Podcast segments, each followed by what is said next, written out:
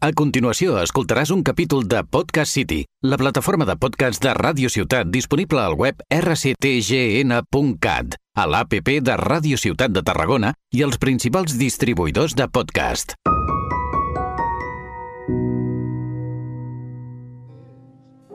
A kiss is just a kiss, a sigh is just a sigh. The fundamental things apply as time goes by. Hermano, 2023. Parece que fue ayer. eh, fue casi ayer. Ah, Vamos vale. a ser sinceros, ya ha pasado uno- unos días, unas semanas. Y oye, volvemos otra vez a estar entre amigos en est- con esta musiquita chill out, ¿no? Casi, casi chill out. Sí. Esta, Y- esta es la nueva, ¿no? Esta es la nueva, esta es la, esta es la versión directamente, el mix. Bueno, la verdad es que bienvenidos a, a este podcast de guionistas o guionistas en barbecho, nunca mejor dicho, al menos en mi caso. Pero bueno, que empieza un año y empieza un año apasionante y bueno, vamos a darle un poco de brío a este programa y vamos a seguir compartiendo, que claro, aparte de, de- de- vamos a creando esta pequeña comunidad, pues la gente quiere conocer en profundidad o no todo lo que se relaciona con el mundo del guion. Así que estamos en el detonante de este año nuevo. Nunca mejor dicho, detonante, gran palabra. A ver cuál va a ser ahora el incidente incitador, la cuestión principal, aquello que nos lance al infinito. Iván, te estás poniendo estupendo, no puede ser eso, ¿eh? No, madre mía, madre mía, ya estás en clase, ya directamente, ya Es- estás formando pequeños monstruos guionistas. Exceso de uvas. Exceso de uvas, tú lo has dicho. Bueno, viene un año apasionante, viene un año apasionante porque vienen proyectos, evidentemente desde este podcast pues intentamos dar, bueno, explicar un poquito las cosas en las que estamos inmiscuidos. Yo espero estar más inmiscuido este año en algunos proyectos audiovisuales de amplio calado. Tú también tienes un año de muchas promesas por delante que nos irás relatando si quieres, ¿eh? Son renovar los votos. O sea, tú tienes una serie de proyectos que los vas vendiendo y cuando escuchas aquello de mm, se han tardado siete años en levantar un, un proyecto, te lo crees, empiezas a creértelo. Y eso es lo que te da esperanza, ¿eh? Absolutamente, absolutamente. bueno, bienvenidos, bienvenidos. Eh, quedaron deberes pendientes. Yo me gustaría, claro, de un Ah. podcast al otro ha habido un, un tiempito y te acuerdas que te dejé con unos deberes que yo creo que serían estupendo empezar con ellos. ¿Has Hablas- cumplido? ¿Has tenido hablas- tiempo? Hablas de la famosa Glenn Garry Glenn Ross. Sí, sí. Bueno, eh, Éxito a cualquier precio aquí se, titu- se titulaba, se podía ver hasta hace poquito en, en el canal de Movistar Plus. Bueno, no sé si sabías que, que, eh, esta película está inspirada en una obra de, de, de Broad- bueno, que era un éxito en Broadway, estaba escrita para teatro, eh, Sí, sí. David Mamet. Y este fue el guion del millón de euros, digo, perdón, de dólares. Sí, señor. Sí, de sí. euros, no de dólares. Y David Mamet, ¿quién es David Mamet? Pues es uno de los monstruos, uno de los dramaturgos y una de las figuras más inteligentes de, de ese mercado norteamericano y diríamos mundial, tanto en el aspecto dramático como en el aspecto de los guiones. Eh, David Mamet estaría en la lista, en mi lista de favoritos a la hora de, de poner ejemplos de cómo se estructura, cómo se trabajan personajes, y sobre todo es una figura que ha diseccionado el, mundo, la ética, la ética y la moral de este Estados Unidos eh, de una manera desgarrada, un auténtico depredador desde el punto de vista narrativo. Bueno, eh, de hecho, eso está muy bien lo que has dicho de los personajes, porque efectivamente todos los actores querían trabajar con él. O sea, eran guiones inteligentes, guiones que tenían un ritmo demoledor, que trataban temas con un subtexto muy profundo. Aparentemente en esta película estamos hablando de las ventas de inmuebles, pero detrás está la historia de cada uno de los vendedores, ¿no? El, temor al fracaso. Eh, pero las productoras no creyeron en él. Y mira, mal me pese decirlo, a veces aciertan. O sea, fue un fracaso comercial. eh, si no me equivoco, costó unos, si no recuerdo mal, unos 12 millones de dólares y no fue capaz de recaudar más allá de 10. Y sin embargo, toda crítica que se pueda hacer al grandísimo trabajo de las grandísimas estrellas que participaron en este proyecto eh, lo ha convertido en un film de culto. Yo recuerdo ah, que yo la descubrí gracias a mi tío.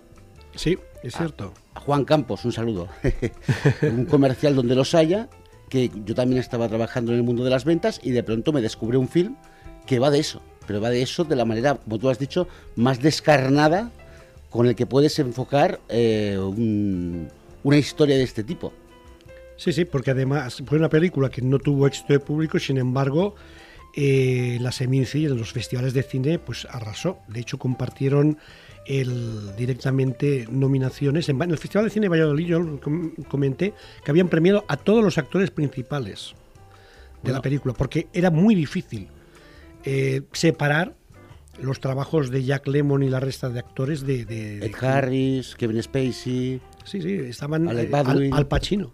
También, bueno, papelazo, papelazo. ¿De qué va Glengarry Glen Ross, eh, Iván? Para la gente, para la audiencia, a la que vamos a recomendar a partir de tu análisis bueno, de guionista. Pues como ya se puede casi hacer spoilers, pero sin hacerlos, ¿no? Para quien no la haya visto, que la disfrute como si fuera la primera vez. Y, si no, además también ha tenido tiempo para, para haberla visto, pero bueno, es un es eh, en una empresa de venta de inmuebles eh, existe una serie de fichas, las fichas buenas y las fichas malas. Las fichas malas eh, son aquellas que son pérdidas de tiempo para el vendedor, pero que son las, la mayoría. Y entre estas están el tesoro. El acceso a las fichas buenas es al cliente potencial, al cliente que va sobre casi seguro, te va a abrir la oportunidad de negocio y de pronto solamente tiene acceso aquel que demuestre que merece la confianza de la empresa. Pero eso genera eh, que, bueno, genera en Jack Lemon el peor de los infiernos. O sea, el intentar acceder a estas fichas buenas porque resulta que ha llegado un ejecutivo de la, de la casa, sí, sí. súper agresivo, y les ha puesto en la picota. El ganador se lleva el premio gordo, el segundo un Cadillac, el tercero un juego de cuchillos, pero es que el último, al último lo despiden. Directamente. Y entonces empieza una, una, una, serie de peripecias para intentar no ser este último, ¿no? Prefieres llevarte, que, evidentemente, el juego de cuchillos. Directamente. Bueno, hay una cosa mm, maravillosa de esta película que es precisamente los diálogos, el trabajo como está la disección a la que se someten todos los personajes. De hecho, tú lo has señalado, era una obra teatral y sin embargo es de escuela el tratamiento de cómo los, eh, la relación de los personajes va en un crescendo que acaba precisamente con, ese personaje ya Lemon, eh, la picota directamente. No estamos haciendo ningún spoiler, pero estamos contando una historia que sería muy actual en este mundo. Le pasa un poquito como con 12 eh, hombres sin piedad, ¿se llama? Sí, 12 hombres sin piedad. Yo soy el cinefilo aquí en este caso. Exacto. Pero ahí también te encuentras una adaptación de una obra teatral con muy pocas localizaciones y que, y que todo se va en ingenio, diálogo, subtexto.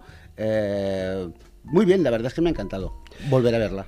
Te he puesto deberes, pero he puesto deberes pensando en ti. Las cosas como son, he hecho un poquito de trampa. No te pienso tratar demasiado bien para las próximas sesiones. Pues nada, lánzate y lánzame propuestas. Te lanzo una propuesta. Esta es una propuesta para todo el mundo. La podéis tener en Filmin, El Ojo Público. Ahí es nada. Una película de cine negro basada precisamente en la gente que tiene que hacer las fotografías de las partes mórbidas de la sociedad eh, bueno, vamos, casi un homenaje a Crims, ¿no? De, la, exitosa del docudrama de TV3. Y el otro día la volví a ver y pensé, menudo platazo para eh, ofrecérselo a mi hermano en bandeja y de entrada para toda la audiencia. O sea, pensar en el ojo público está en Filmin, recomendable 100%, no paga nada, pero sinceramente es uno de los, de los canales de streaming más recomendables para aquellas personas que amamos el séptimo arte. ¿Ese cuál es? Ese arte. bueno, David, ¿y qué, has visto últimamente?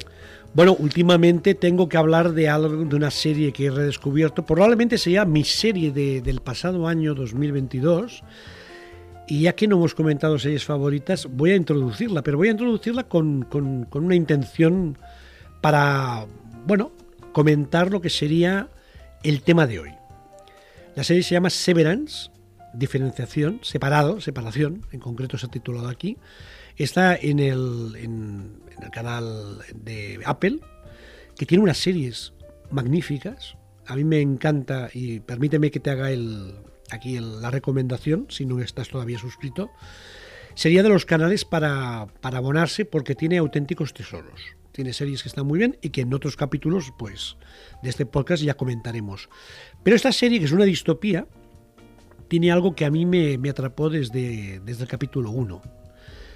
Es el capítulo piloto, el primer capítulo. Y yo creo que este sería un bonito tema, ya que, si no recuerdo mal, en el anterior programa, ya me corregirá la audiencia o tú, o tú mismo, hablamos e introducimos el concepto de la Biblia que tendremos que volver inevitablemente más adelante.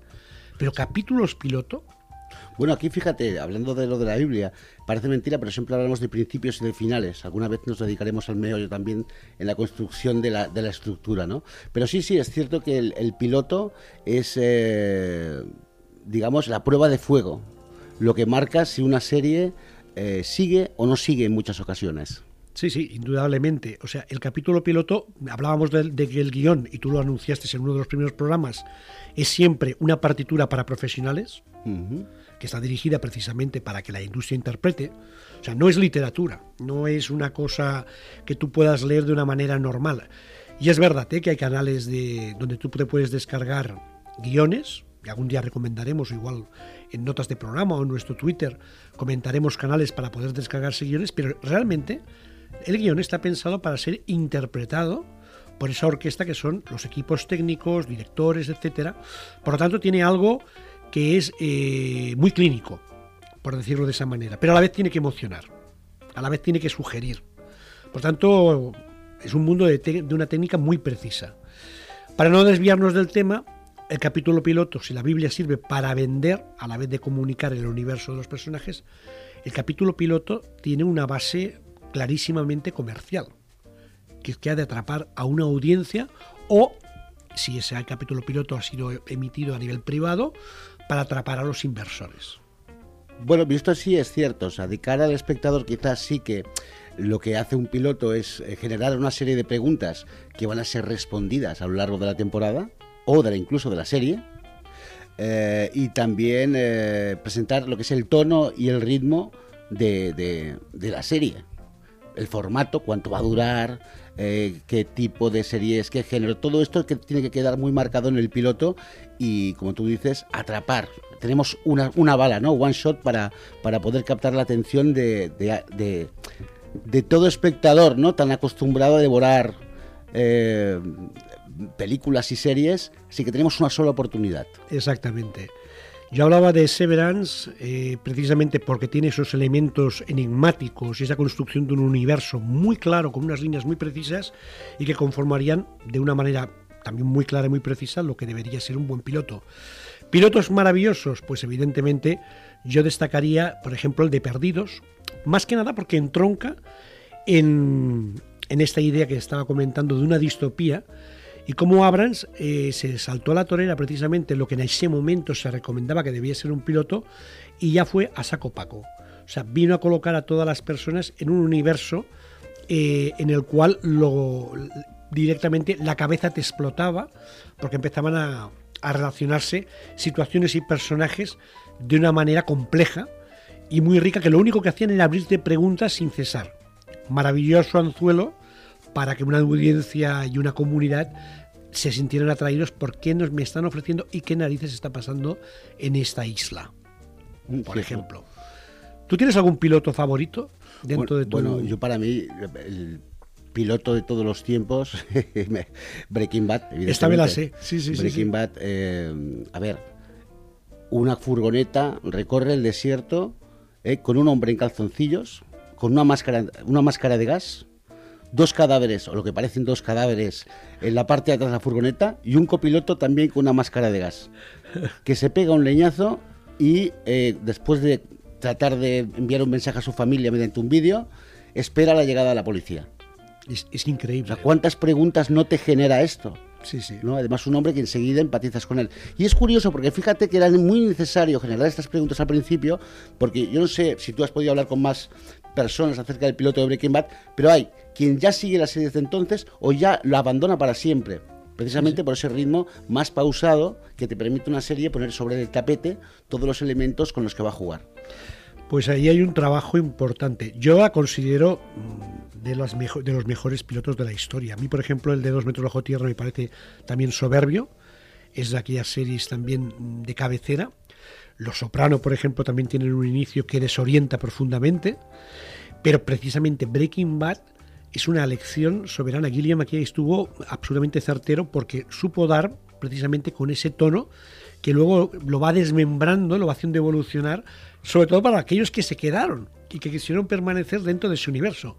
Porque un piloto o te, o te da o te quita mm. directamente. Ese es el gran riesgo. Y... Claro, y tú fíjate que además el piloto cambia cosas a la vez. O sea, un piloto tiene ese, ese, ese periodo privado, ¿no? De que se mueve de productora en productora buscando a ver, a no ser que sea un encargo, sí, sí, buscando a ver quién, quién la bandera, ¿no? Pero luego también hacen esas pruebas en delante del público, donde ven en directo sus reacciones. Correcto. Eh, yo recuerdo que el peor piloto de, la historia del que hablas es el de Juego de Tronos. Ostras, has dado, has dado el clavo.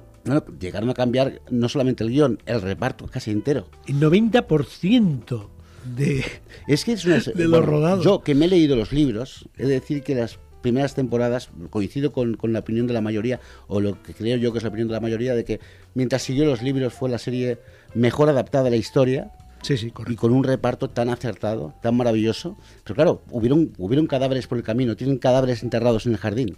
Sí, sí, no, seguro. O sea, es que ahí caía hasta el apuntador, pero fuera de, la, de lo que era la serie, también rodaban cabezas.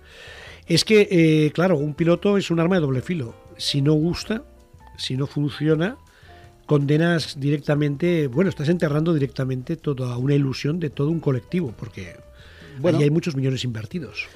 Y te diría que es la mejor prueba de que el guion no lo es todo, a pesar de la importancia que tiene, el guion no lo es todo. Como, como empiecen a fallar eh, cada uno de, las, de los engranajes, eh, se van a por rápidamente. Grandes ideas. Sí, sí. Twin Peaks, por ejemplo, sería otro de esos pilotos ya marca una ya marca una edad, ¿no? Es una de las series míticas que mucha gente todavía no ha visto de las nuevas generaciones y yo la recomiendo a pesar de que en contexto las series han evolucionado muy rápido y a veces puede dar la sensación de algo anticuado. Eh, Twin Peaks fue revolucionaria. David Lynch eh, proporcionó algo que la industria en sí mismo no acabó de entender. Todo ese enigma, quién mató a Laura Palmer, pero era una combinación de un todo, porque aquí en los pilotos es muy importante la palabra del tono, la atmósfera, cómo te genera todo este universo sensible en el cual van a habitar un universo de personajes que van a tener que evolucionar a lo largo de X capítulos, dependiendo evidentemente de si es una miniserie, una serie más larga o una serie ya pensada episódica. Y todo esto tiene que estar en la cabeza del guionista. Iván, una pregunta clara y precisa. Clara y precisa. Eh, ¿Cómo encara un guionista, y yo sé que tú has estado en este caso, lo que sería el desarrollo de un, de un piloto? Sin cobrar. Esto siempre. Esto, esto, es una máxima. Vamos a ver, no. Eh, eh, Precariedad. Hablando en, hablando, en serie. Hablando en serie. Eh, cuando tú trabajas una temporada, una primera temporada, que es lo que tú vas a intentar que te, que te compren o que o, tú vas a intentar que esa Biblia, ese documento de venta, contenga toda una temporada de la serie, evidentemente, mm, si ya está decidido que van a intentarlo, te pueden encargar que escribas los guiones por completo. Eso pasó con la serie catalana Nitidía. Sí. Donde, sí, sí, nos encanta vuestra idea, sois chicos de la casa, confiamos en vosotros, pero no vamos a emitir el piloto hasta que tengamos los guiones de, todas de todos los capítulos de toda la temporada. Pero no es lo usual. Lo usual es que tú te lances a la aventura con este documento que se llama Biblia y tengas desarrollado por completo lo que sería el piloto, quiero decir, con un primer guion literario, un primer, que en realidad es la versión 27, eh, o la que sea. Eh, y después una, una breve sinopsis, que puede ser una página, puede ser de media, de cada uno de los capítulos para que se vea hacia dónde va la serie hasta el final de temporada, dónde se, dónde, hacia dónde se dirige el arco de los personajes y cómo se desarrolla toda esa trama principal, con todas esas subtramas ¿no? que caracterizan a las series, que se van hilvanando alrededor de esa trama y te van interesando cada vez más por, por, qué les, por el destino de los personajes. Y una pregunta, ¿formaría parte de la Biblia el capítulo piloto? Por supuesto. Ah, amigo. No, no, es que es... Eh, a ver... Eh, mira, ¿sabes lo que ocurre? Que, en, este, en esta industria, como he dicho, mm, de, azares tan, tan significativos, o sea, se oyen casos de series vendidas alrededor de, de- de unas copas. Sí, o sea, sí. estar en el lugar y en el momento oportuno, conocer a la persona oportuna y mm, entusiasmarla. Por eso es una parte importante, no solamente lo que está en el papel, sino el, el- el pitch que hagas sobre tu serie. Ser capaz de vender esa serie eh, en un encuentro en vivo y en directo. Y luego sí, cuando una vez has interesado al, al- al productor o a la productora, entregarle ese documento de venta y, y sí, sí, eh, tiene que contener un guion de piloto inmaculado, Absolutamente como inmaculado. si no costara. Co- como si no costara. Me ha, gu- me ha gustado la palabra. Entonces, evidentemente, cuando tú ya trabajas ese universo de la Biblia, eh, la responsabilidad es máxima. O sea, ya tienes claro de que hay- eh, es una oportunidad que te puedes aprovechar o no aprovechar y que tiene que estar ahí precisamente todo ese talento abocado en, el, Bueno, en ese capítulo piloto. y, y la Biblia también es un elemento visual, no solamente narrativo. O sea, es de capturar, vamos, es una caja de bombones perfecta. Sí. y tiene que apetecer al, al- al lector de esa Biblia, ¿no? que supongo que tendrá que leer muchísimas otras, tiene que capturarle tanto por la originalidad de la idea como por la efectividad. Y que quede muy marcado eh, qué va a ser esa serie. Mira, hablabas antes de, de- de- de la elección del formato de, la- de- de las, de los- de las series, cuando tiene que durar media hora o tiene que durar una hora. Hoy en día el modo de consumir series nos ha cambiado la percepción. O sea, la gente consume series eh, a lomos de una bici estática, una bici quieta. Correcto. Y, y claro, son una serie de 25 minutos, pues parece que es como mucho más mm, digerible que unos capítulos de 55 o hora y pico, que es lo que duraban antes. Porque antes intentaba emular la sensación del cine. Estoy en mi casa emulando el cine. Apago las luces, me siento en el sofá y voy a dedicar las dos próximas horas de mi vida a ver el capítulo de una serie y podré ver otro y otro y otro. Y ahora es como un fast food, Directamente. que no tiene por qué ser, eh, ser malo. No necesariamente, tienes razón. Bueno, has abierto un pequeño melón, ¿eh? Porque de una manera u otra has hablado de un tema que trataremos próximamente, que son los formatos. Ah, Porque no es lo mismo un formato de comedia, no es un, form- un formato de, bueno, de, de- de serie episódica, de miniserie. Eh, los formatos en el mundo audiovisual, de la televisión o internet, ya porque todo se funciona en, en canales de streaming, tienen un- una importancia, bueno, es- son clave a la hora de encarar cualquier tipo de proyecto. La palabra formatos me la he apuntado aquí en, en el iPad.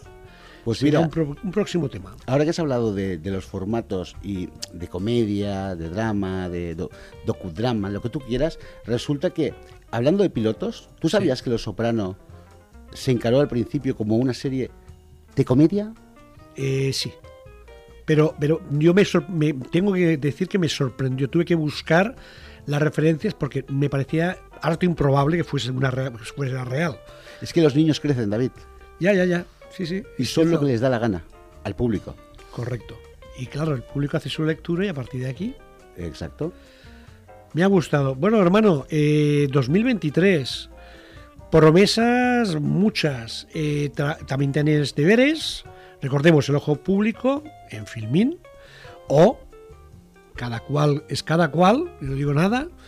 Eh, yo te la proporcionaré porque estoy suscrito y evidentemente te voy a dar. mm, Acceso, acceso, Acceso. dame acceso. la veremos juntos si tú quieres. Hombre, placer. Y espero un destripamiento desde el punto de vista del guion de dicha película. Y nada más, hoy hemos hablado levemente, eso sí. Bueno, mm, de- hemos hablado de de, pilotos. un poco de todo, como siempre. Sí, sí, sí, la verdad es que empieza el año y es una, bueno, un, un momento apasionante para, para escribir. Páginas en blanco, páginas, Páginas en en blanco. blanco, sí señor. Bueno, eh, me ha encantado hablando en serie, ¿eh? que lo- me lo he apuntado. Directamente, adiós y hasta el próximo programa. Hermano, te espero con un café en la mano y un guion bajo el brazo. Pues aquí estaremos. Hasta pronto. Adiós.